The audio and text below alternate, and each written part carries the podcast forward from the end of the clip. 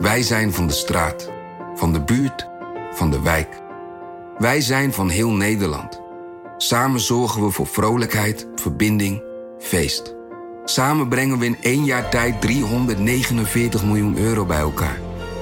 Miljoenen waarmee onze goede doelenpartners de wereld groener, gezonder en rechtvaardiger kunnen maken. Nationale Postcode Loterij. Samen voor een betere wereld.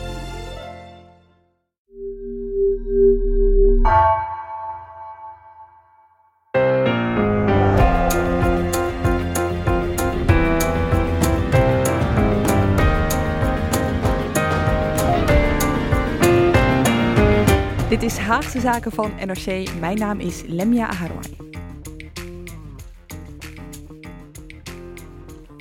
Vorige week, jongens, zijn jullie eh, massaal door de mand gevallen toen jullie vroegen waar Haagse Zaken bleef. Dat betekent namelijk dat jullie dus niet luisteren tot het allerlaatste eind van de afleveringen, want daar hebben we onze recesstop twee weken geleden al netjes aangekondigd. Zeer teleurstellend, maar je kunt het goed maken door vandaag wel te luisteren tot het eind, want we hebben je ergens voor nodig. Maar dat hoor je dus pas helemaal aan het eind van de aflevering. In coronapersconferentie eh, taal voor het eind komt het begin. En dat begin is nu, namelijk de aflevering van vandaag, waarin we je vertellen over de testsamenleving. Deze week eh, debatteerde de Tweede Kamer met demissionair ministers Hugo de Jonge van Volksgezondheid en Bas van Dwout van Economische Zaken over een wet die vooraf testen om toegang te krijgen tot sommige sectoren, denk aan theater of bioscoop, verplicht maakt of mogelijk maakt. En dat doe ik met uh, bij mij in de studio Pim van den Dol en Mark Adriaanse.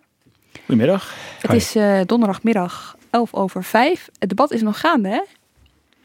Ja. Ik heb jullie daar eigenlijk even weggeplukt. Ja, sterker nog, uh, minister De Jonge is zojuist pas, terwijl wij begonnen met opnemen, uh, aan zijn beantwoording begonnen. Dus wij hebben er al nou, ongeveer vijf en een half uur eerste termijn op zitten. Heerlijk. 17 ja, fracties. Zes en een half. Ja. Maar en, waar gaat het, debat, gaat het debat ook over waar ik zei dat het debat over gaat? Ja, ja, misschien mag ik me heel even beklagen inderdaad over... We hebben natuurlijk nu een nieuwe Kamer en dat is aan de ene kant... Uh, hebben nog meer diversiteit en verscheidenheid aan partijen. Maar uh, je ziet wel dat die debatten nu al nog veel langer duren. En uh, ik vond ook, nou ja, in al die uren van de eerste termijn... dat er ook wel heel veel corona-onderwerpen aan bod kwamen... die niet rechtstreeks met de testwet te maken hadden. Dus ik vond het een beetje langdradig. Maar uh, ik geloof dat Mark wat positiever is. Ja, bedoel, je hebt gelijk hoor. Bijvoorbeeld iedereen uh, hakt een beetje in op Wiebron van Haga over intensive care. Een uitspraak die hij gedaan heeft over India en de poster van FVD. Uh, Volt had een confrontatie met JA 21 over de Europese inkoopstrategie van vaccins. Het heeft allemaal niet zo heel veel te maken met deze wet. Maar ik vond dat de meeste Kamerleden toch vrij uitgebreid wel ingingen op de wet. En dan met name over uh, twee dingen. De toegankelijkheid van de wet. er, er staat nu in dat vanaf, ik geloof 1 juli... Uh, mensen 7,50 euro eigen bijdrage zouden moeten gaan betalen. Nou, dat gaat waarschijnlijk uit vanwege kritiek van de Kamer. En het ging veel over de tijdelijkheid van de wet. Waar het heel weinig over ging, en dat viel mij wel op, over de uitvoering. Eh, dus Den Haag heeft de laatste tijd heel, ja. heel, veel over de uitvoering van wetten. En Den Haag vindt van zichzelf dat er meer aandacht moet zijn voor de uitvoering van wetten. En, en hoe wetten in de praktijk dus ja, uitgevoerd gaan worden, of dat kan. Ik ben met collega Rick Wassens deze week gedoken in de bedrijven die deze test moeten gaan doen. En dan kom je wel heel veel zaken tegen waarvan je je kunt afvragen of uh, de plannen die de Kamer nu bespreekt in de realiteit zo makkelijk uitgevoerd kunnen gaan worden als nu bedacht wordt. Was het maar door uh, type ondernemers dat zich hierop uh, gestort heeft. Ja, bijvoorbeeld. Daar gaan we het straks over hebben. Maar eerst even, want we, nu, we noemen nu al een paar keer de wet, de wet, de wet. Pim, over om wat voor wet gaat het precies? Ja, de wet heet de, de tijdelijke wet testbewijzen uh, COVID-19. Uh, en dat is een voorstel wat eigenlijk moet regelen uh, ja, dat uh, minister De Jonge straks sectoren kan aanwijzen waar toegangstesten, zoals dat genoemd wordt, verplicht gesteld kan worden. Dat is een beetje vergelijkbaar met de coronawet, geeft eigenlijk alleen een soort juridisch kader waarmee de minister dit kan gaan doen. Dus hij kan bijvoorbeeld straks zeggen, en daar is het onder andere voor bedoeld, uh, ik stel toegangstesten uh, verplicht in de culturele sector of bij voetbalwedstrijden als daar weer publiek toegelaten kan worden. Um, Want het gaat om een aantal specifieke sectoren, hè? Ja, ja het, idee, het, idee ook van dat toegangstesten uh, is inderdaad dat uh, het is onderdeel van het hele versoepelen hè, en het, het openingsplan, wat het kabinet ook eerder gepresenteerd heeft. En het idee is dat op een veilige manier er eigenlijk alweer dingen mogelijk gemaakt kunnen worden door vooraf te testen. eh, Die eigenlijk, gezien de stand van de epidemie en het besmettingsniveau, anders nog niet zouden kunnen. En dan hebben we het over cultuur, evenementen, georganiseerde jeugdactiviteiten. Nou, eigenlijk nog heel weinig. Dus het, in de wet zelf staat alleen dat de minister niet essentiële sectoren kan aanwijzen. En vervolgens moet in een ministeriële regeling eh, duidelijk worden welke sectoren dat precies zijn. Nou, en dan kom je inderdaad uit bij eh, essentiële sectoren, dat zijn bijvoorbeeld gemeentehuizen. Dus een gemeentehuis mag geen toegangstest gaan vragen. Iemand van VWS legt het met uit als alles wat nice to have is, zoals cultuur blijkbaar is. Ik denk dat heel veel mensen dat toch wat essentiëler vinden dan leuk om erbij te hebben. Het gaat ook over horeca en sport bijvoorbeeld. Uh, ja, bijvoorbeeld sportevenementen. En dat kan de jongen dan in lagere regelgeving, dus in de ministeriële regeling, duidelijk maken welke sectoren het precies om gaat. Maar de wet SEC maakt alleen onderscheid tussen essentieel en niet essentieel.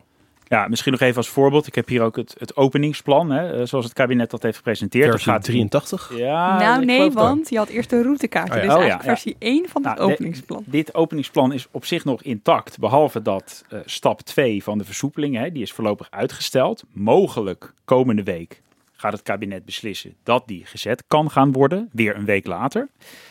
En dan staan er dus wel voorbeelden van eh, sectoren die dan open zouden mogen met dat toegangstesten. Dus die dan, als het kabinet zich houdt aan dit lijstje, als eerste aan de beurt zijn, zijn bijvoorbeeld doorstroomlocaties binnen. Nou, dat zijn bijvoorbeeld musea, maar ook publiek bij eh, sportwedstrijden. Nou, dat is bijvoorbeeld eh, het voetbal. Eh, de- er komen nog hè, play-offs aan, Mark, na de competitie. Misschien dank je. Fijn dat je me even op wijst dat Ja. Feyenoord veroordeeld is tot de play-offs. Ja, oh, Kunnen we van. Excelsior geloof ik niet zeggen, promotie play-offs. Oei, nee, maar dit, geheel eh, terzijde. Dit, dit is een, dit is een Dit is zij. even een uitstapje. Ja. Moest even gezegd voert te worden. ver om uit te Ja. leggen. Ehm, maar goed, dus er staat wel per stap van het openingsplan staat zeg maar genoemd van, nou ja, in deze volgorde kunnen dan eh, sectoren eventueel meer met dat testen eh, de komende weken, maanden geopend gaan Maar het is een verplichting. Hè? Dus deze wet kan Hugo de Jonge, die biedt een soort juridische grondslag, zodat Hugo de Jonge aan de hand van die wet eh, sectoren kan verplichten. Als je open wil, dan moeten mensen eerst Ja. testen. Nou kijk, het is in zoverre een verplichting dat inderdaad eh, de, de minister kan het voor een bepaalde tijd als voorwaarde stellen. Dus hiervoor geldt dat die musea bijvoorbeeld, ze zijn niet verplicht om open te gaan met dat testen.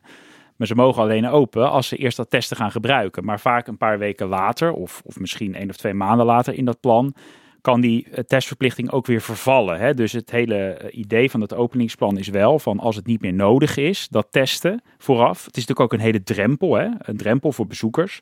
Zou het kunnen zijn, eh, dan gaat die verplichting er ook weer af. En je mag als sector ook zeggen, nou dan doe ik het liever niet. Dan blijf ik maar dicht. Ja, ehm, ja, dat nou, hebben de horeca en de musea eigenlijk al wel een beetje gezegd. Hè. Die, hebben, die hebben eigenlijk al laten weten dat ze dit niet Ja. zien zitten.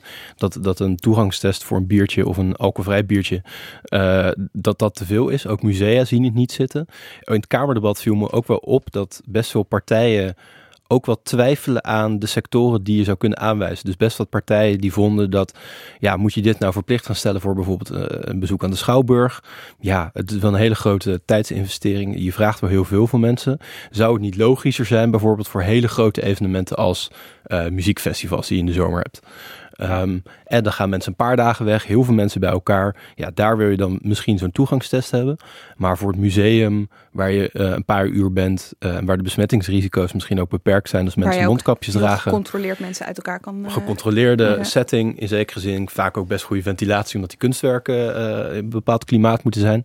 Zijn die risico's zo beperkt dat, dat de Kamer dit ja, niet ziet zitten? Maar jij noemt nu een drempel, een horde, namelijk eh, is de tijdsinvestering waard?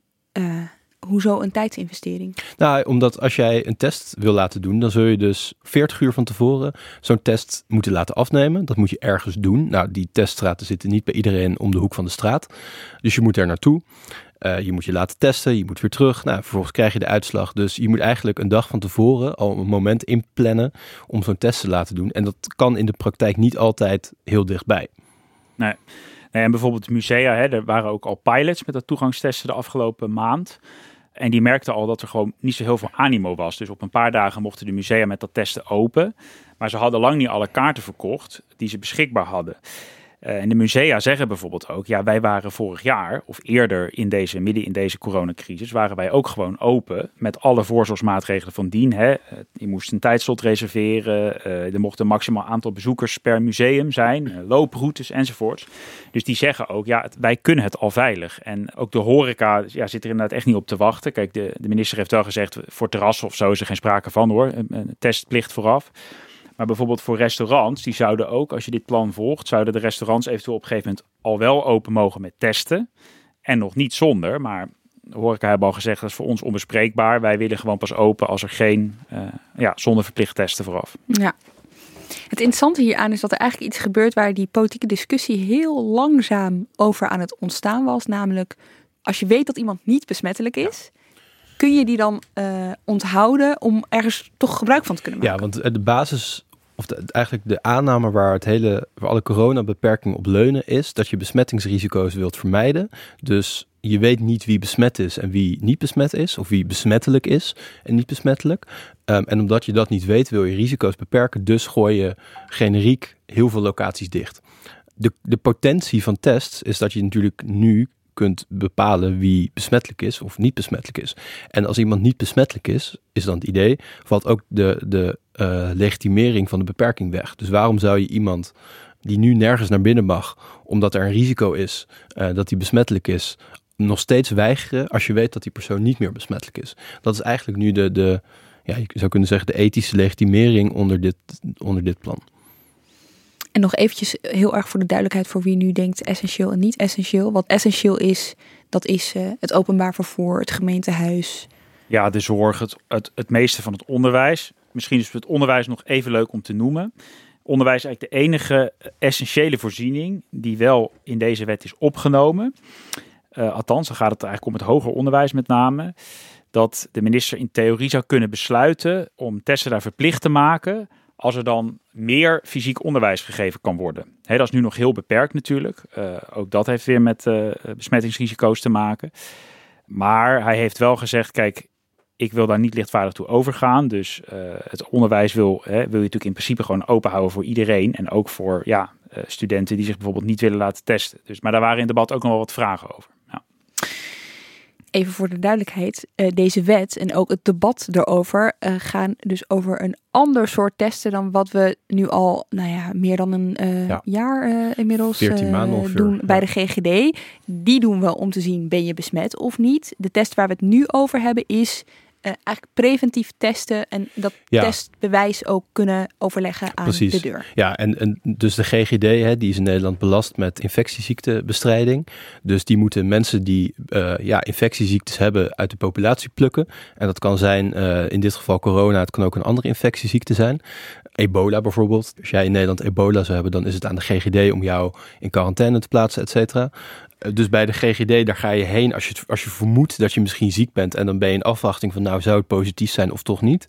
En bij deze test voel je eigenlijk prima. En uh, verwacht je eigenlijk ook dat het negatief is. En omdat het negatief is, mag je vervolgens, is het idee, allerlei dingen gaan ondernemen.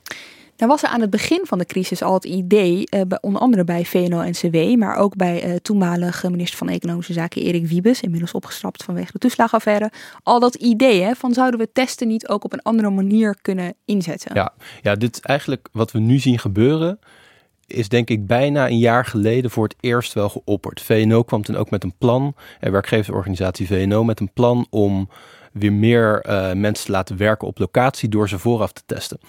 En in de zomer is dat een beetje door gaan spelen en wie besloot zich daarbij aan. Maar politiek was daar nog heel weinig, kreeg dat heel weinig gehoor eigenlijk. Nog zowel in de Kamer als in het kabinet. Kabinet en Kamer waren heel druk met de problemen bij de GGD's, hè, tekorten aan tests. Waren op dat moment ook niet echt sneltests of vooral onbetrouwbare Nee, die, die kwamen eigenlijk Nee, die kwamen in het najaar echt op. Die ja. waren in de zomer nog niet goed beschikbaar. Dus de testcapaciteit die was, het waren de PCR-testen. Die duren gewoon langer om te verwerken. Daar waren er zo weinig van beschikbaar dat wat beschikbaar was, werd gebruikt voor uh, de GGD's. Nou, en eigenlijk zie je vanaf het einde van de zomer politiek toch het idee ontstaan van, ja, kunnen we niet met tests uh, die steeds breder beschikbaar kwamen, ook langzaam wat sneltests die er aan zaten te komen, meer mogelijk maken. Uh, en dan zie je vanaf het najaar dat partijen het ineens gaan hebben over de testsamenleving. Dat is een woord dat nu niemand meer wil gebruiken. Ook in het debat zeiden bijna alle partijen: nee, wij willen echt geen testsamenleving, omdat het een soort premisse uitstraalt van permanentie. Dus uh, we gaan naar een nieuwe vorm van samenleven toe, waarin we preventief gaan testen. En dat is allemaal fantastisch. Heeft iets definitiefs of zo. Precies. En al die partijen willen nu juist heel erg dat het even tijdelijk is. Uh, de jongen hamert er ook steeds op uh, dat het absoluut geen testsamenleving is, maar een tijdelijke fase. Nou, en uiteindelijk zie je dan, eh, eh, nou Pim, jij bent volgens mij in, wat was het, eind januari, begin februari bij een Field Lab geweest. Dat was ja. eigenlijk de echte, concreet, het echte concrete begin van waar we nu naar zitten te kijken. Dus de eerste experimenten met evenementen waar je alleen naar binnen mocht als je negatief getest had. Uh, ja, precies. En kijk, in het najaar, uh, toen de politiek hier dus over begon te spreken, toen was natuurlijk ook nog heel erg het idee, dat is inmiddels uh, maanden geleden, van er komt nu een tussenfase aan hè, tussen het, uh, de, de lockdowns waar we in zitten en het, uh, de start van de vaccinatie en het vervorderen van de vaccinatie. En dan kunnen we juist met die testsamenleving of dat tijdelijk testen, kunnen we die periode een soort van gaan overbruggen. En dan kunnen we al de samenleving hopelijk gedeeltelijk heropenen. Dat was, dat was het hele idee, dat die testsamenleving een soort tussenfase zou zijn. Ja, dus een lockdown vermijden we door de testsamenleving in te zetten ja, ja. of op te richten. Ja, alleen het, uh, het, het jammer is natuurlijk, en het is een beetje speculeren wat daar nou precies de redenen voor zijn geweest, maar is dat het natuurlijk de hele voorbereiding van dit project van de toegangstesten en de hele organisatie daarvan en nu het, het verdere uitrollen daarvan de komende weken, maanden, dat heeft dus allemaal heel erg lang geduurd. Uh, dus, uh, het is al lang geen tussenfase meer. Nee, nee, we zijn inmiddels met het vaccineren Precies. natuurlijk ook behoorlijk op stoom gekomen. Zit dus, ook al een ruim een half jaar in lockdown. Ja, ja, nee, de vraag is eigenlijk, komt dit niet veel te laat? En waarom, waarom is het er nu pas? Maar eventjes terug, hè? Eventjes, ja. weer eventjes terug naar, naar de zomer toen die gesprekken begonnen. Uh, er werd dus besloten om dat niet bij de GGD onder te gaan brengen, maar om een soort van parallele testmogelijkheid op te starten. Nou ja, je ziet eigenlijk vanaf het einde van de zomer een beweging ontstaan om een parallele teststroom op te zetten, inderdaad. En die resulteert in eerste instantie nog, en de VNO zit erbij, uh, Tom Middendorp, de generaal, of ja, generaal buitendienst kwam erbij, Randstad zat erbij, PostNL. Waarom um, kwam Tom Middendorp daarbij, generaal buitendienst? Ja, die had ervaring met dingen organiseren, denk ik. Dus uh, in die hoedanigheid. En zij zijn eigenlijk al heel ver met het opzetten van. Zij, zij wilden gewoon meer testcapaciteit. Um, en dat heeft uiteindelijk geresulteerd in de XL-teststraten, die je in Rotterdam hebt, bijvoorbeeld in Amsterdam, een aantal plekken in Nederland en Eindhoven. En dat is uiteindelijk met de GGD samengegaan. Er was toen een gat um, in de markt eigenlijk dan zit je begin september, half september, oktober een beetje. De GGD's die enorme tekorten hadden, hadden aan tests. Een enorme vraag naar coronatests. Dus mensen kwamen terug van vakantie. Het werd herfst. Mensen kregen luchtwegklachten. Maar de GGD had die test niet. Ze konden ongeveer 30, 40.000 tests per dag doen. De vraag was soms het dubbele. Dus en nou, ik denk dat iedereen zich dat ook nog wel kan herinneren. Dat je soms op coronatest.nl inlogde. En dat je over vier dagen aan de andere kant ja. van het land een plek had. Uh, om acht uur s ochtends bij te spreken. Dus dat, dat werkte niet. En in die fase zie je, uh, dat is de ene ontwikkeling. En de tweede ontwikkeling in die periode is dat sneltests op de markt komen. De eerste generatie betrouwbare sneltest. Voor de zomer waren er ook al wel een paar, maar die waren totaal onbetrouwbaar. En nu waren er voor het eerst eigenlijk sneltests die heel makkelijk te hanteren waren. Je stopte nog wel een stokje in iemands neus, maar je had geen duur laboratorium nodig om ze te verwerken. En dan zie je dat er in die periode zo rond ja, het najaar er allerlei ondernemers zijn die in het gat springen dat de GGD achterlaat. Dus mensen willen zich laten testen, willen snel weten of ze corona hebben. GGD kan het niet bieden. En er zijn allerlei ondernemers die daarin springen, die zelf snelteststraten gaan opbouwen. Vaak ondernemers die geen enkele medische ervaring hebben. Die soms echt absurde prijzen vragen voor die test. Dus 250 euro voor de uitslag binnen een kwartier. Nou, dan heb je denk wel ongeveer 200 euro winst ruim op een test. En heel veel van de bedrijven die toen ontstaan zijn, gaan nu het toegangstesten doen. Maar er ontstaat dus, je omschrijft eigenlijk hoe er vanzelf een soort commerciële markt ja. uh, ontstaat. En dat roept dan de politieke vraag op vervolgens van... hey, kunnen we hier niet handig gebruik van maken om dus bepaalde sectoren al eerder te kunnen openen? Ja, ik weet niet of je, of je dat verband zo kunt zeggen hoor. Of, of de politieke vraag voor toegangstesten een reactie is op het ontstaan van de markt ervoor. Maar je ziet wel zeg maar die verschuiving ontstaan van die testen inzetten om die pandemie in te dammen naar misschien is er wel meer mogelijk als we de ja, testen maar ik, anders ik gaan denk dat inzetten. dat vooral komt omdat er meer tests beschikbaar waren. Dus je ziet vanaf eind eh, vorig jaar dat Nederland gewoon miljoenen sneltests op de markt kon kopen. Dat de tekorten op de wereldmarkt opgelost waren. Waardoor Nederland, Nederland heeft nu echt tientallen miljoenen sneltests op voorraad liggen. Ja, in het najaar zie je op een gegeven moment dat hè, die GGD-testcapaciteit dat die langzaam op orde komt. Dat je eigenlijk merkt dat, dat, dat, dat we genoeg kunnen testen om, om, om het virus op te sporen. Uh, en dan gaat ook de Kamer zich afvragen, hè, in reactie op het plan van VNO, van kunnen we uh, nu ook echt werk gaan maken van dat uh, niet-medisch testen, inderdaad, om de, om de economie en de samenleving ook weer verder te openen. Nou, en je merkt dan open te houden eigenlijk was open het, te houden. Ja, je hebt gelijk, want toen was natuurlijk, toen zaten we, nou, in september zaten we nog zonder de, de lichte lockdown. lockdown, of hoe heet dat? Lockdown De light? gedeeltelijke lockdown, Gede- oh ja, die hadden we ha- half tijden. oktober. Niet intelligent, wel Eh, gedeeltelijk. En dan, dan zijn er eigenlijk verschillende eh, partijen die in Kamerdebatten ook minister De Jonge aansporen om daar van dat niet-medisch testen ook eh, ja, serieus werken te gaan maken. Ja, in september werd er zelfs een motie ingediend door eh Thierry van Aartsen van de VVD, Steven van Wijnberg van D66.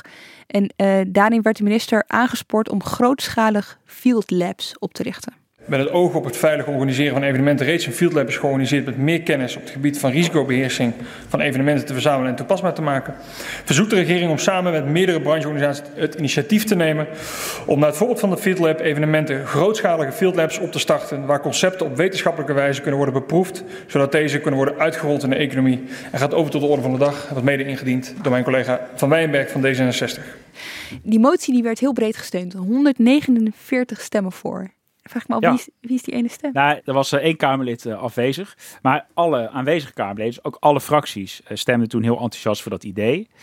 Dit waren dan nog inderdaad hè, de, de field labs en, en dat zijn experimenten die ook alweer een paar maanden nu lopen. En die eigenlijk ook al vorig jaar zomer bedacht zijn. De samenwerking tussen de, de evenementensector en de overheid. Eh, om ook te gaan kijken hoe kunnen we weer met testen veilig eh, dingen mogelijk maken. Ja, het is eigenlijk het voortraject van ja, wat ja, nu het plan ja. is. ja, maar het is wel heel grappig toch dat eh, alle partijen instemmen, dus ook FVD. FVD, voor, wie de testsamenleving nu, eh, om eh, Ja. het Kamerlid Pepijn van Houwelingen aan te halen, vergelijkbaar is met de beperkingen uit de Tweede Wereldoorlog. Die, die waren het hiermee eens. Oké, dus Forum was het in eerste instantie wel eens met die oproep van eh, hè, begin gewoon met experimenteren. Maar uiteindelijk is daar wel iets veranderd, hè? Ja, je ziet dat eh, een aantal, eh, met name rechtse fracties, zich uiteindelijk volledig tegen dat idee van die testsamenleving hebben gekeerd. Nou weten we van FVD natuurlijk wel dat zij moeite hebben met eigenlijk alle coronamaatregelen, met het coronabeleid. Eh, en zij hebben, eh, zij, zij, zij zeggen nu steeds het voortdurend testen van allemaal gezonde mensen is gewoon onzinnig. Eh, ze vinden het testen van jongeren misdadig. Nou ja, weet je, ze keren zich natuurlijk het liefst tegen alle coronabeleid. Eh, Maar je ziet ook andere, kijk, ook de PVV eh, he- heeft gezegd van hè, alles op vaccineren, eh, al, al, al dat testen is onnodig en mensen buitensluiten die niet willen testen is onrechtvaardig. De SGP heeft daar eenzelfde soort principiële bezwaren tegen. Die vinden sowieso dat de overheid veel te diep ingrijpt met al dit soort maatregelen en, nou ja, en ook weer zo'n project als dat toegangstesten. Dus een aantal, ja, vooral rechtse partijen, heeft zich er echt tegen gekeerd. Ja, het is eigenlijk ook, de overheid bemoeit zich dus inderdaad wel met iets wat jij moet doen voordat je iets mag doen. Zeker. Het, het rekt het schadebeginsel waarbij je dus eh, een inperking van vrijheid wordt gelegitimeerd omdat jij dan niet schade kunt berokkenen aan anderen, wordt heel ver opgerekt hiermee. Ik bedoel, het gaat letterlijk je lichaam in, je neus, voor die test. Ja. Ehm, en een zorg die je zou kunnen hebben is, dit is eigenlijk de eerste keer dat we echt op basis van medische gegevens mensen meer ja, vrijheden gaan geven. Ehm, als we dat nu gedaan hebben, nou, waar gaan we het dan nog meer voor doen? Want we, misschien werkt het wel en blijkt het wel gemakkelijk en blijkt het veilig. En willen we dat dan?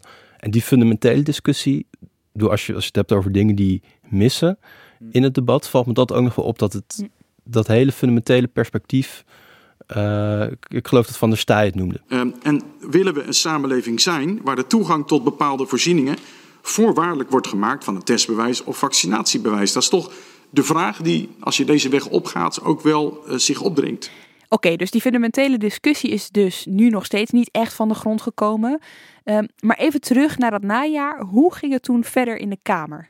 Uh, en je merkt dan, nou ja, zo in november dat uh, verschillende partijen in de Tweede Kamer een beetje ongeduldig beginnen te worden. En dat ze eigenlijk vinden dat uh, de jongen nou ja, sneller werk moet maken van nou ja, ook de inkopen van veel sneltesten. Om dan dat, ook dat niet-medische testen, wat we nu toegangstesten noemen, zeg maar, te kunnen gaan doen. Niet-medisch testen komt naast het verder uitrollen en opschalen van de medische testen. Ze hebben beide een ander doel. De vraag is dus, werkt het kabinet aan een plan voor niet-medisch testen?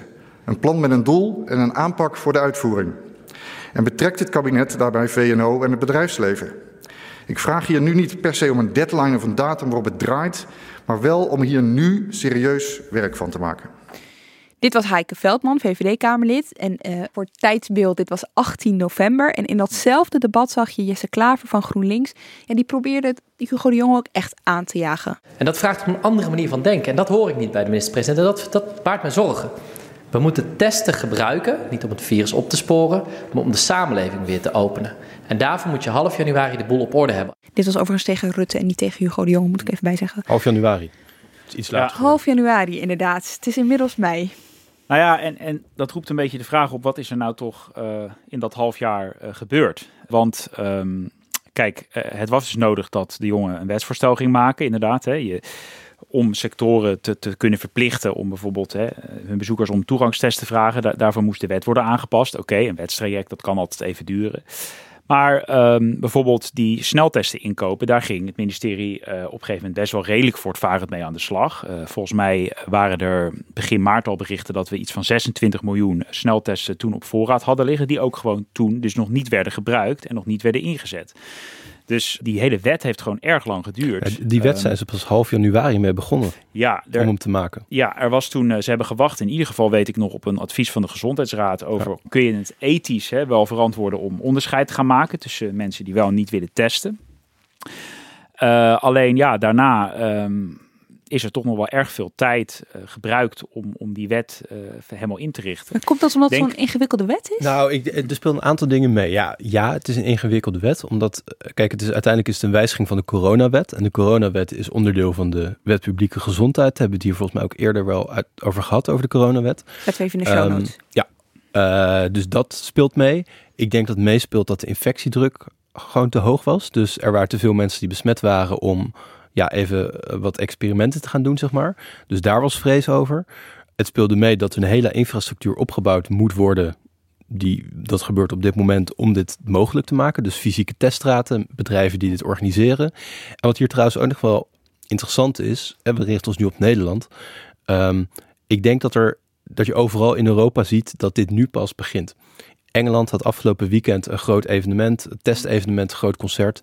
Denemarken werkt sinds een paar weken met een corona-check eigenlijk. Hè? Een, een, app die heel erg lijkt op wat we in Nederland willen gaan doen. Uh, sowieso, het Deense coronabeleid lijkt extreem veel op hoe het in Nederland gaat. Um, maar dat speelt dus ook pas een paar weken dat je daar met een negatieve test toegang krijgt tot bijvoorbeeld de horeca. Terwijl die discussie ook daar Mm -hmm. uh, echter wel langer liep dan, uh, dan dit voorjaar. Dus je ziet overal in Europa dat dit ja, op het moment komt dat in ieder geval voor heel veel mensen het voelt alsof het te laat is. Ja. Ja, maar en to toch vraag je wel af, hè? Uh, we hadden het iets eerder over de, de keuze om bijvoorbeeld dit niet te laten doen door de GGD'en. Die hadden in januari hadden die echt een hele grote testcapaciteit inmiddels. Van geloof ik meer dan 100.000 testen per dag. En er zijn ook verschillende partijen in de Tweede Kamer die dus uh, deze week bij het debat voeren van ja, was het nou niet logisch geweest om toch gewoon ook dat extra toegangstesten gewoon bij de GGD te laten doen. Dan had je geen aparte teststraten hoeven bouwen. Had je niet allerlei uh, bedrijven daarvoor weer hoeven, hoeven inschakelen. Maar wat daar dus ook heeft meegespeeld is dat de GGD zelf toen gezegd heeft van ja, wij zien uh, dat niet-medische testen, hè, dat soort van toegangstesten voor, nou ja, voor leuke dingen, voor pleziertjes, dat zien wij niet als onze kerntaak, want onze kerntaak is de publieke gezondheid en ja. wij willen dus alleen testen puur voor het virus. Een bureaucratisch maar, argument. Ja, Nou, maar kijk, het kijk, heeft feitelijk wel klopt het tot wel vertraging natuurlijk. geleid natuurlijk, Uh, want Ja, ja, maar goed, uh, ik, ik, ik snap, ik snap die, die houding van de GGD wel, omdat het is een organisatie die inderdaad als kerntaak heeft infectieziektebestrijding. Uh, of als een van haar kerntaken. En dan snap ik wel dat ze dit niet zo gauw tot hun kerntaken vinden, vinden horen. Tegelijkertijd denk ik dan, ik loop regelmatig langs Ahoy. Bij, naast Ahoy staan twee enorme testpaviljoens, zoals die heten. Uh, dat zijn de XL-teststraten. Nou, Ja. er is er eentje van in gebruik. Uh, de, het tweede testpaviljoen staat al sinds november volgens mij leeg. Dus de capaciteit is er. Ze hebben de ervaring. Ze hebben de Mensen, lijnen met ja. VWS. Ze kunnen de mensen opleiden. Eh, en nu in het debat kwam wel ter sprake dat ook GGD-tests uiteindelijk wel onderdeel kunnen gaan worden van de corona-check-app. dus eh, anders zou je een gekke situatie kunnen krijgen dat jij eh, vandaag een melding krijgt van de corona-melder. Dat je mogelijk besmet bent.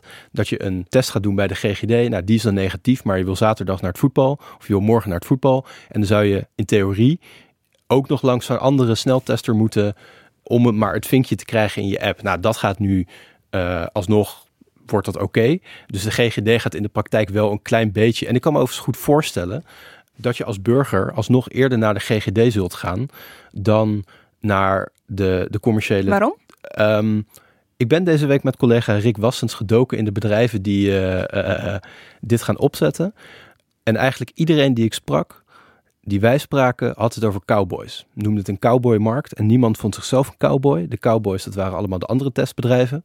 En het zijn allemaal ondernemers die op een paar na, die geen enkele medische ervaring hebben. Er zit een glaszetter tussen die samen met een eigenaar van vakantieparken het testen in de regio Haaglanden gaat opzetten. Er zit een man tussen die ervaring heeft met reclamebedrukking, eh, die inmiddels een vrij goed lopend testbedrijf heeft en ook wel wat ik uit de markt hoor, het goed voor elkaar heeft. Gewoon eh, dat het kwalitatief gewoon wel goed is. Die gaat heel Rotterdam en eh, Zeeland doen. Het zijn allemaal bedrijfjes die in een paar maanden tijd zijn opgekomen. Hoe? Hoe, Hoe? komen die hierbij? Is hier een, een aanbesteding voorgekomen. Dus dit zijn, eh, in eerste instantie was het idee dat Lead Healthcare dit ging do- doen. Dat is een vrij grote eh, zorgonderneming in Nederland. Die ook gewoon, eh, ik geloof een omzet van, eh, het is het 25 miljoen per jaar en eh 150 medewerkers, een gevestigde partij zou je kunnen zetten, die, eh, zeggen. Die hebben ook de Field Labs gedaan. Dus naast de tenten van de GGD bij Ahoy staat nu ook een tent van Lead, die elke dag honderden mensen test die de opbouw doen van het Eurovisie Songfestival. Maar die tent gaat binnenkort op, eh, weggehaald worden.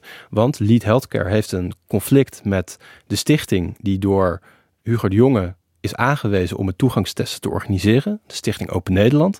Dat conflict gaat over de prijs die zij per test vergoed kunnen krijgen. Ik zal er niet te veel de techniek ingaan en de bedragen ingaan. Maar het komt erop neer dat Lead Healthcare zegt... het bedrag dat ehm, die stichting wil vergoeden per test... daar kun je niet kwalitatief goed mensen voor testen... met goed personeel, veilig, schoon, goede locaties. Nou, deze bedrijven zeggen dat ze het wel kunnen. Hebben een aanbesteding gewonnen. Er is, eh, dat is een heel rap tempo gegaan. Er is een loting geweest. En ja, sommige van de bedrijven die ingelood zijn, bijvoorbeeld eh, Check BV, dat is het bedrijf van de glaszetter, die zijn vooral eh, actief rond de Veluwe. Die moeten nu teststraten gaan bouwen. Tien, eh, zeker tien teststraten in een regio die ze amper kennen, namelijk Haaglanden en Hollands Midden, dus bij Leiden. De vraag is of zij dat kunnen. Maar de, ja, want als je dan hoort dat zeg maar, de professionals, degenen die hierin gespecialiseerd zijn, zich terugtrekken omdat ze zeggen onder deze voorwaarden lukt het niet. En dat dan de glaszetter zegt, ja maar wij kunnen het wel. Dat roept natuurlijk al meteen wat... eh, Nou, het zou best kunnen dat, dat er inderdaad partijen zijn die het goedkoper kunnen dan Lead. Eh, je kan ook de vraag stellen waarom moest dat Lead Healthcare een monopolie krijgen op de toegangstest? Want dat was eigenlijk de, de eerste situatie. Hè? Dus eh, als je Lead Healthcare alles zou doen, dan zou je als overheid één marktpartij een monopoliepositie geven die de komende maanden miljoenen euro's zou kunnen gaan verdienen met de toegangstesten. Ja, je kan je ook afvragen of dat wenselijk is. En daarom vind ik het fascinerend dat de discussie over moeten we dit niet publiek organiseren? Hè? We hebben de GGD's, die kunnen mensen testen, die doen het al ruim 14 maanden. Moeten die deze toegangstest ook niet gaan doen? Die discussie is eigenlijk niet gevoerd. Het komt in het debat vandaag een beetje aan bod soms. Eh, Er, er wordt nu in feite een markt eh, door de overheid gesubsidieerd met miljoenen euro's aan belastinggeld. Er zijn mensen die zeggen, die bedrijven gaan stinkend rijk worden. Ik heb daar zelf mijn twijfels over. Ehm, waarom? Dat de kosten toch wel hoog liggen of zo? ja, omdat als je de uitsplitsing ziet van eh, gewoon de kosten om dit te kunnen doen, dan zijn er best veel mensen die toch wat twijfelen of dit uitgaat. En dan wordt het overigens interessant. Hè? Stel dat het inderdaad dat het financieel niet rond te krijgen is. Sommige van de ondernemers die ik sprak, die twijfelden zelf ook. Die wilden vooral benadrukken dat ze hier echt niet heel veel geld aan gingen verdienen en dat ze ook de risico's nog wel zagen. Maar stel dat deze bedrijven over een paar weken gaan omvallen. Wat dan? Nou, daar hoop je dat daar iemand over na heeft gedacht. Dat hoop je. Alleen, dat, het zou best kunnen dat we over een paar weken gaan zien dat deze testbedrijven die zijn aangewezen om de toegangstesten te gaan organiseren, het niet kunnen. Of dat in bepaalde regio's het wel lukt en in andere niet. Dat je bijvoorbeeld in de regio Haaglanden uh, geen teststraten gaat hebben, maar in de regio Rotterdam wel. En dan? Ja, fascinerende vraag. Maar de- deze uitvoeringsproblematiek is in het debat Ja. totaal niet aan de orde Nee. gekomen. Nee, ik bedoel, wat ik, hier, wat ik hier beschrijf is een bom onder het hele versoepelingsplan. Ehm, omdat als, je, als de politiek inderdaad, en daar lijkt het op, toegangstesten wil gaan proberen de komende periode, dan heb je daar testraten voor nodig. Je hebt daar bedrijven voor nodig. Nou, en stel dat die bedrijven het straks uiteindelijk niet kunnen rooien. En het, Misschien komt het dan alsnog neer bij de GGD. dat zou goed kunnen, ja. Maar het verbaast me, het, de Ja, Kamer verwijt ja, het kabinet ja. soms niet erg vooruit te kijken. Het verbaast me dat de Kamer hier zelf ook niet echt vooruit kijkt. En ze zijn er trouwens, ik bedoel, er is een hele lijst aan uitvoeringsproblemen die op zouden kunnen gaan doemen. Al deze bedrijven hebben eigen IT-systemen, waarvan ik uit de markt hoor dat ze niet altijd even goed beveiligd zijn. Dat zijn wel bedrijven die straks jouw BSN-nummer en je medische Maar gegevens wordt dit allemaal niet vooraf gecheckt? Ik bedoel, Ja, er, er zijn, zijn, er niet... ja, er zijn aanbestedingsregels. Dus om mee te kunnen doen aan die aanbesteding moet je echt wel aan een paar voorwaarden voldoen. Eh een van die voorwaarden is dat er een BIG geregistreerde arts bij aangesloten moet zijn. Maar leggen mensen uit de markt me dan uit. Dat betekent niet dat er in zo'n teststraat altijd een arts aanwezig is. Sterker, het betekent in de praktijk soms dat eh, ze eh, eh, een arts een paar duizend euro per maand betalen om een rapport te schrijven dat het allemaal wel goed gaat. Dus die komt één keer in de week of in de maand, loopt hij even door zo'n teststraat. Nou, loopt lekker. Dan, dan voldoe je aan een van de aanbestedingsregels. En natuurlijk, ze moeten AVG-proof werken, et cetera. Maar het gaat wel, jij gaat je medische gegevens en je BSN-nummer achterlaten bij een bedrijf dat je niet goed kent. Ja. De vraag is of je dat als burger wil. En misschien wil je dat. Dan denk je, nou, het is een risico, maar ik wil gewoon graag Ja. naar het voetballen. Prima. Ja. En Ja. we doen dit dus, hè, die medische gegevens achterlaten en BSN-nummers doen we al anderhalf jaar als we ons laten testen bij de GGD. Ja, je hebt het net over een paar miljoen. Uiteindelijk is het bedrag 1,1 miljard. Hè. Dat is vrijgemaakt om dit mogelijk te maken. Hoi, goedemorgen. Ehm, Mark hier. Het is vrijdagochtend, de ochtend na het debat in de Tweede Kamer over de toegangstesten. En ook de ochtend nadat wij de podcast opnamen. En terwijl wij de podcast opnamen, zei Hugo de Jonge nog wel een aantal interessante dingen. Bijvoorbeeld dat de 1,1 miljard euro, die vaak genoemd wordt als de kosten voor toegangstesten, eigenlijk niet meer klopt. Volgens hem gaat het nu om 500 tot 700 miljoen euro. En dat zal onder meer komen doordat het testen gewoon goedkoper blijkt te kunnen dan eh, een paar maanden geleden ehm, ja, geraamd. En wat hij ook zei, is dat hij al wil beginnen met toegangstesten, zelfs als de wet die dit mogelijk moet maken nog niet door de Kamer is. Dus dat zou dan bijvoorbeeld eh, ja, halverwege deze maand zijn. Ehm, en hij wil het dan gewoon pilots noemen, zoals het de afgelopen weken ook al genoemd werd. Dat geld dat gaat dan naar die stichting Open Nederland waar je het net over had. En die oud, eh, of die generaal buitendienst Tom Middendorp, die staat daar aan het hoofd. Ja. Hè? Dat, is, eh, dat is zijn functie. Wat gebeurt er met dat geld? Want daar is heel veel om te doen Ja. geweest. Er is eigenlijk 1,1 miljard in een stichting, of aan een stichting gegeven met bijna een vrijbrief om toegangstesten op te gaan zetten. Ik weet van mensen die met die stichting van doen hebben dat ze momenteel. Eh, er staan drie mensen aan het, aan, het, aan het roer, waaronder Middendorp. Maar er zit inmiddels een hele organisatie onder van consultants. Daar gaat veel geld naartoe. Eh, dus consultants die voor doorgaans niet al te eh, magere bedragen per uur ingehuurd worden om dit op te bouwen. Er gaat geld naar de inkoop van sneltests. Dus deze testbedrijven die hoeven niet zelf de test in te kopen. Dat doet deze stichting. Ja, en uiteindelijk gaat dit geld dus naar de inhuur van personeel door deze testbedrijven. Maar personeel moet ook opgeleid worden. et cetera. Beschermende Ja, kleding. precies. En als we het hebben over bedrijven, het zijn nu zo'n 10, 14 bedrijven. Nee, er zijn eh, zo'n, in de eerste aanbesteding zijn er zeven bedrijven ingelood. Er komt nu een tweede aanbesteding. Omdat, naar ik begrijp, nog zo'n 100.000 tests ja, verdeeld moeten worden over het land. Eh, ja, en daar komen dus nog nieuwe bedrijven in. Een van de mensen die ik deze week sprak, die, die overweegt in te gaan schrijven. Dat is een man die ehm, eh, geprobeerd heeft zijn geld te verdienen met de verkoop van mp3-spelers. Die eh, producten uit China heeft geïmporteerd. Die een platform heeft voor ZZP'ers. En die nu in de testmarkt is gedoken. Die ook zelf vertelt dat hij geen enkele medische kennis heeft. Maar hij is ondernemer en dus kan hij dit. Brood. Pim, nu vraag ik me toch wel af als je al deze eh, risico's ziet op uitvoeringsproblemen. En je hoort wat voor ondernemers zich aanmelden hiervoor. Dan vraag je toch af. Hier gaat het dus niet over in het Kamerdebat. Nou, nee, daar ging het inderdaad niet heel uitgebreid over. Dat dat hele grote bedrag nodig is, hè, van misschien wel 1 miljard euro. Daar klonk de afgelopen weken al in de Tweede Kamer best wel veel eh, kritiek op. Of er waren wel veel vragen over. Kijk, ik herinner me wel van het najaar nog dat de Tweede Kamer toen tegen eh, de jongen zei van... ehm, eh, ja, dat uitbouwen van die testcapaciteit. Hè, daar mag je geen, laat vooral beperkingen geen rol spelen. Financiële beperkingen. Carte blanche. Uh, regel het gewoon. Regel het maar. Regel het zo snel mogelijk, zo goed mogelijk. En uh, haal die testen in huis. dus toen was dat heel erg het sentiment in de Kamer. Maar kijk, ik snap ook wel dat sommige partijen enigszins verrast waren toen de begroting voor dit project kwam dat het wel om 1 miljard euro ging. Hè, voor letterlijk een paar maanden is de verwachting. Want het kabinet zelf houdt er al rekening mee of hoopt dat we na augustus dat hele toegangstesten ook al niet meer nodig hebben. Nou, dat is eigenlijk dan effectief iets van drie maanden. Uh, dan is 1 miljard euro best wel een hele grote uh, investering natuurlijk. dus er waren ook veel partijen die zeiden ja, kunnen we nou waard? in deze fase van de crisis die 1 miljard niet anders besteden? ja de kritiek die wel klonk, eh, een stukje meegeluisterd met het debat, dat ging over, dus je hebt zeg maar de kosten die het de, de, de staat kost, maar ook over de kosten die het ons kost. Als je straks naar een restaurant wil bijvoorbeeld, of als je straks naar de bioscoop wil. Ja, Nee, de, uh, in het debat kwam inderdaad ook een eigen bijdrage aan de orde voor burgers die gewoon van die toegangstesten gebruik willen maken. Uh, het idee is dat het uh, voorlopig gratis is tot 1 juli. En dat mensen vanaf 1 juli dus 7,50 euro als eigen bijdrage voor die test moeten betalen. En dat komt dan natuurlijk bovenop het ticket dat je bijvoorbeeld al koopt voor een concert of een festival.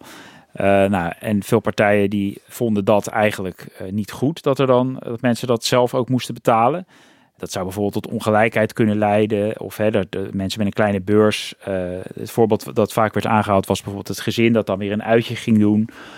Uh, bijvoorbeeld naar een, uh, naar een leuk dagje naar de dierentuin. En je gaat met z'n vieren, dan ben je al snel tientallen euro's extra kwijt voor ook die testen. Dus partijen hebben dat geprobeerd uit, uit de wet te laten halen. Overigens is dan natuurlijk wel weer opvallend dat de Kamer dus eigenlijk daar juist weer uh, die eigen bijdrage wilde schrappen. Waardoor de overheid natuurlijk, als je die eigen bijdrage weghaalt, nog veel meer geld zelf kwijt zal zijn aan uh, dat hele project van de toegangstest. Ja, je ziet dus dat partijen in de Tweede Kamer soms eerst aandringen op iets, heel erg aandringen op iets, en daar vervolgens dan weer op terugkomen. Dat zag je uh, in het debat uh, nu met de Partij voor de Dieren. Die wilde eerst, die zeiden, die, die stemden eerst ook voor de moties, maar die vinden het dan nu weer te laat. Het idee dat je met testen voor toegang eerder uit de lockdown kunt, is natuurlijk niet nieuw. De Kamer vraagt daar al zeer lang om. En die moties heeft de Partij voor Dieren tot nu toe ook altijd gesteund.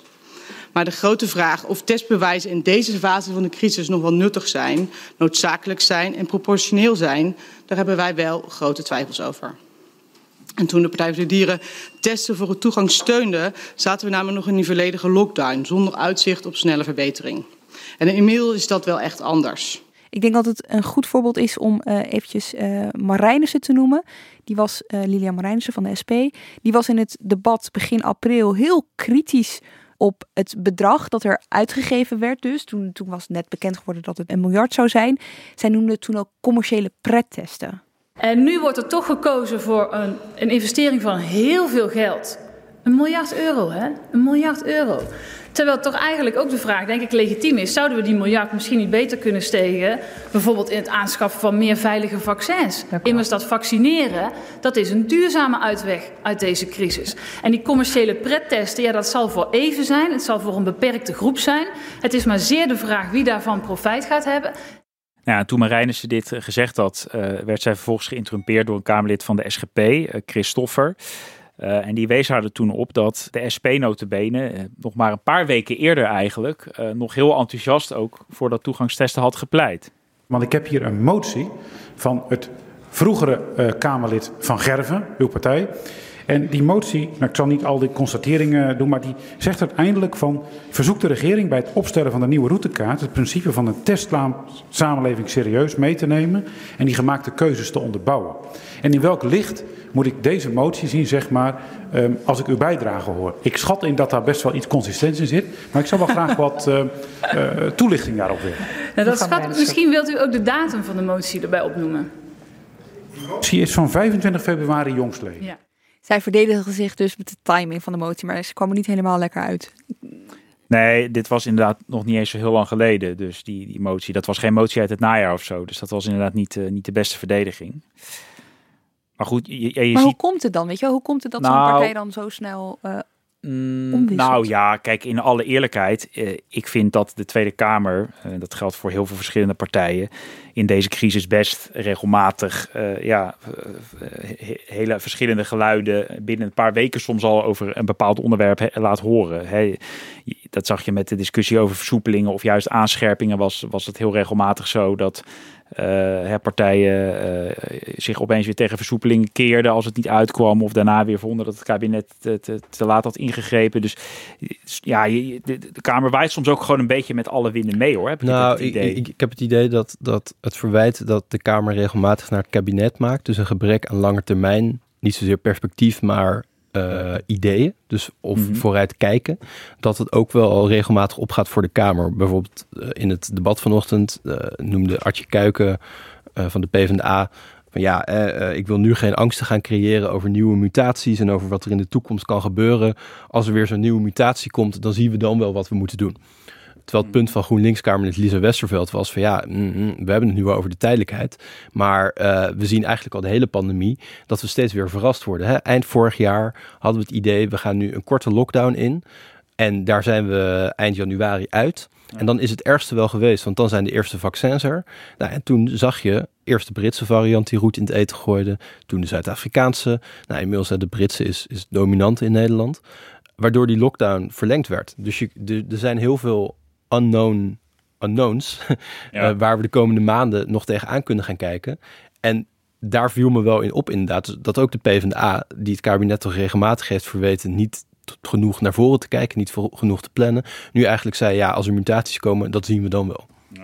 En al met al, dus even eh, ondanks eh, de, kritiek die er is op die wet, denk je dat het, komt hij er doorheen? Valt er al iets over te zeggen? Ja.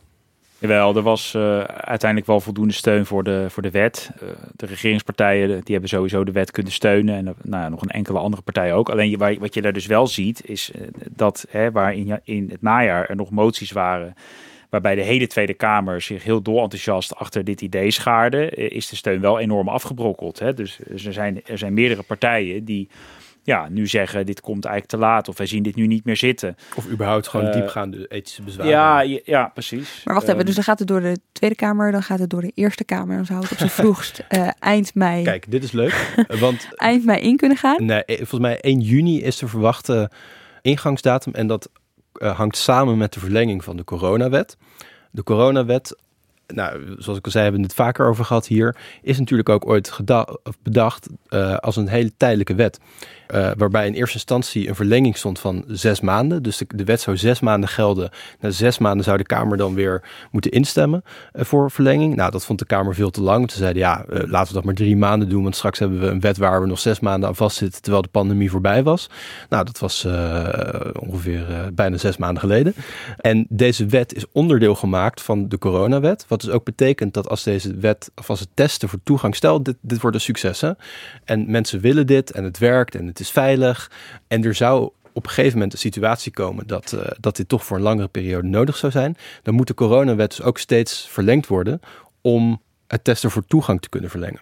Nou, maar je zit inderdaad, als je puur, als je even vooruit gaat kijken, het idee was, dit is op 11 mei geregeld. En dan komen de versoepelingen van stap 2 van het, eh, ik wilde zeggen route, Nee, stappenplan openingsplan. openingsplan.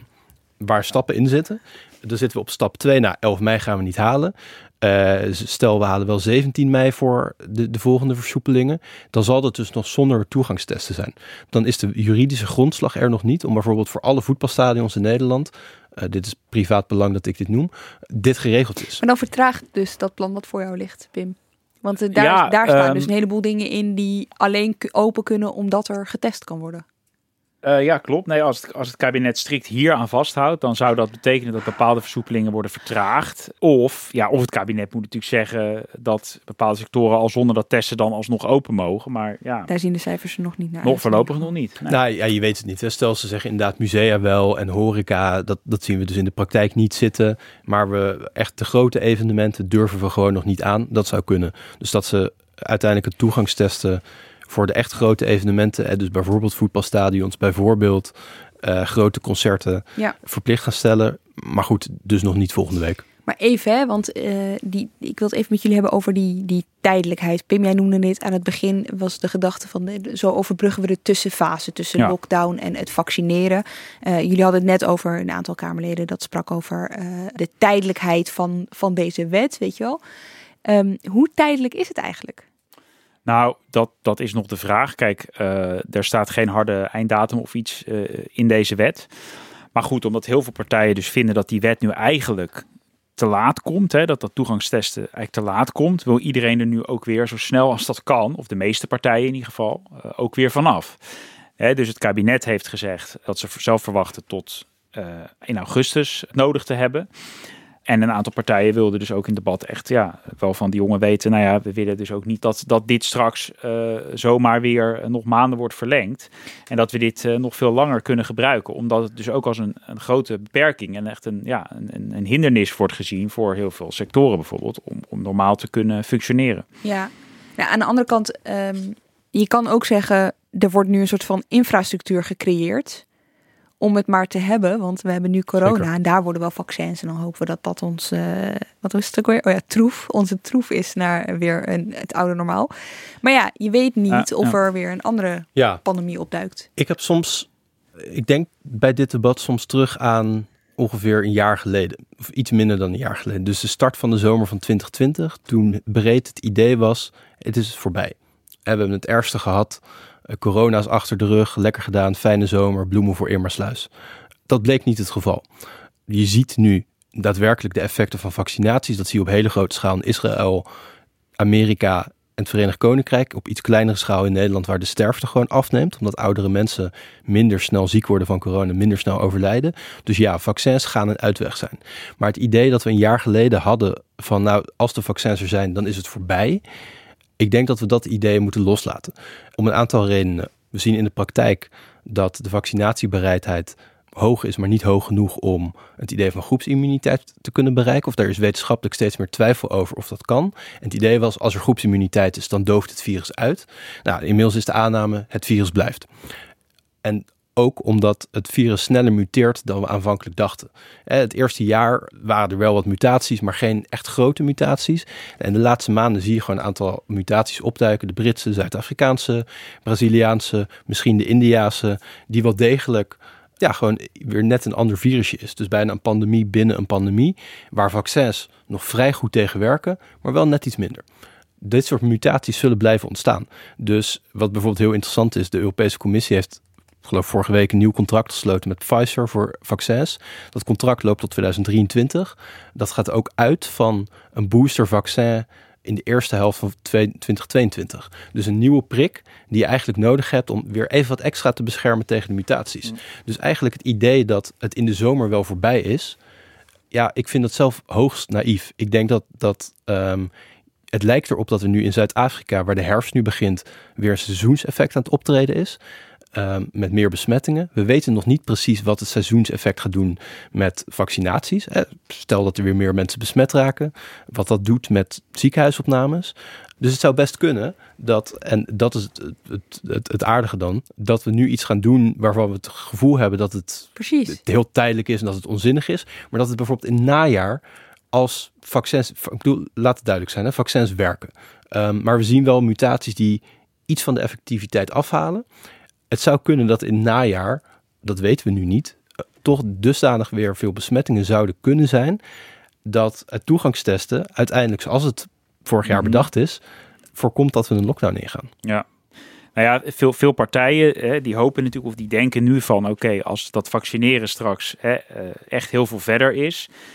Zij hopen dan, of zij denken dan, dan hebben we dat testen misschien wel helemaal niet meer nodig. En de vraag is inderdaad of, of dat zo is. Uh, hè, je ziet in Israël zie je bijvoorbeeld wel echt dat uh, het aantal besmettingen is nu echt extreem laag. Zit de grens um, ook potdicht, hè? Ja, dat is natuurlijk waar. Je hebt altijd het risico weer van als je een landen weer openstelt voor, voor reisverkeer. Maar goed, uh, daar is het besmettingsniveau nu wel zo laag dat, uh, en daar is geloof ik meer dan 70% van de ja. bevolking nu gevaccineerd. Kijk, als dat ons voorland is, ja, dan kun je er in principe van uitgaan, denk ik, dat je dat toegangstesten, uh, als je die vaccinatie gaat bereikt hebt, niet meer, op, niet meer per se nodig hebt. Maar ja, je weet natuurlijk niet. Kijk, je hebt altijd het scenario dat uh, varianten uh, onder de vaccins gaan uitglippen. Kijk, dat zijn een beetje doemscenario's, maar dat kan. En dan moet je, heb, kan je het altijd ook weer uit de kast halen. Ja, volgens mij, ja, volgens mij is het, de, de, de medici die ik daarover spreek, die verwachten niet dat er een mutatie komt die volledig aan nee. vaccins ontsnapt. Maar de verwachting is wel dat er mutaties gaan ontstaan die net steeds weer iets minder of ja, die, waar vaccins steeds weer net iets Ja, minder ja, tegen ja. werken. Of een volledig andere pandemie. Ik bedoel, hè? Het kan ook nog. Eh, Dat kan ook nog. Laten Een we heel nieuw virus. Nu we toch zo Ehm, optimistisch met z'n allen bezig zijn. Maar toch nog Nee, eventjes als- die ja. testsamenleving. Hè, wat je net noemde. Van partijen proberen dat woord eigenlijk niet meer te gebruiken. Omdat het zoiets definitiefs heeft. Zoiets per- Mhm. zo'n permanente lading heeft. Ja, dat is niet helemaal eerlijk. Want het kan zomaar zijn dat het wel nog langer tijd nodig ja, is. zeker. Ja, eh, we weten dat gewoon niet. We weten niet of hoe het najaar zal zijn, hoe de winter zal zijn, als waarschijnlijk ook normale griep weer sterker opkomt. Wat dat doet met de druk op de zorg. Zoals ik zei, vaccins werken. Hè? Dus dat gaat gewoon echt heel veel verlichting brengen. Dat is gewoon zo. Alleen er zijn ook een aantal factoren die we niet goed kennen. En die het toch ja, net weer iets moeilijker kunnen maken. Wat ik zelf interessant vond is wat mensen tegen mij en collega Nicky Korteweg zeiden toen we toen begin dit jaar met haar verhaal maakte over het lange termijn perspectief van corona. Eigenlijk alle wetenschappers die wij spraken zeiden, en want wij stelden de vraag, wat blijft het langste? En de maatregelen, die, dat is het eerste wat je loslaat. Maar op een gegeven moment, en mondkapjes blijven bijvoorbeeld waarschijnlijk nog wel een tijdje, misschien afstand op bepaalde plekken. En maar hetgeen waarvan ze eigenlijk allemaal zeiden, dat blijft het langste, testen. Wat je wil, uitbraken zien. Je wil nieuwe mutaties opsporen. Nou, en dan is waarschijnlijk de verwachting dat het, het symptomatisch testen, dus zeg maar, als jij verkouden bent, dat je naar de GGD gaat, dat dat het langste blijft. En dat is Ja. nog wel iets anders dan Precies.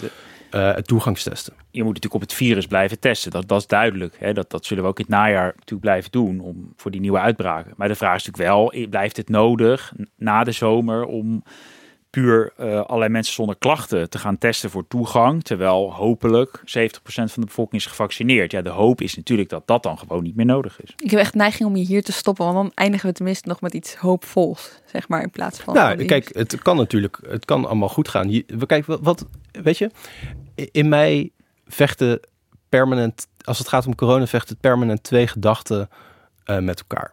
Aan de ene kant een soort pessimisme eh, dat het echt nog wel tegen kan vallen.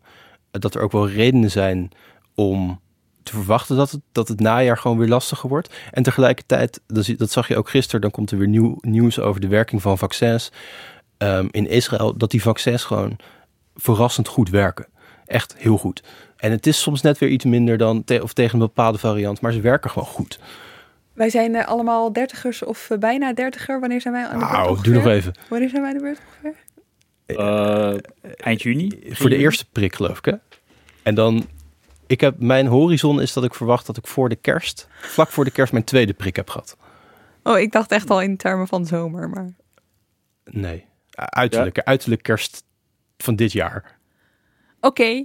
Nou, ik, ik ga toch proberen dat hoop... Maar dat, dat is dus de- de tweede. Hè? En we zien gewoon ook dat, dat een eerste prik echt al heel goed werkt. Dus eh, dat is ook een soort hoopvolle boodschap. Van, eh, zowel AstraZeneca als Pfizer, de eerste prik, geeft gewoon al na twee weken een hele goede immuunreactie. Nou, wachten totdat we aan de beurt zijn. Dank jullie wel. Mark Liefse Adriaanse en Pim van den Dol. En jij ook weer bedankt voor het luisteren. Redactie en productie van deze aflevering waren in handen van Iris Verhulstonk. De montage werd gedaan door Pieter Bakker. En dan nog eventjes dit, datgene waar we jullie voor nodig hebben. Eh, we zijn namelijk heel erg benieuwd wat jij als luisteraar vindt van Haagse Zaken. En daarom doen we een onderzoek. Help ons daarmee door te gaan naar nrc.nl slash podcastonderzoek. Eh, de link vind je ook zoals gewoonlijk in de show notes. Zou echt ontzettend fijn zijn. Volgende week ben ik er even niet, want dan ben ik een paar dagen vrij. En dan zit op deze plek Guus Valk. Graag tot dan.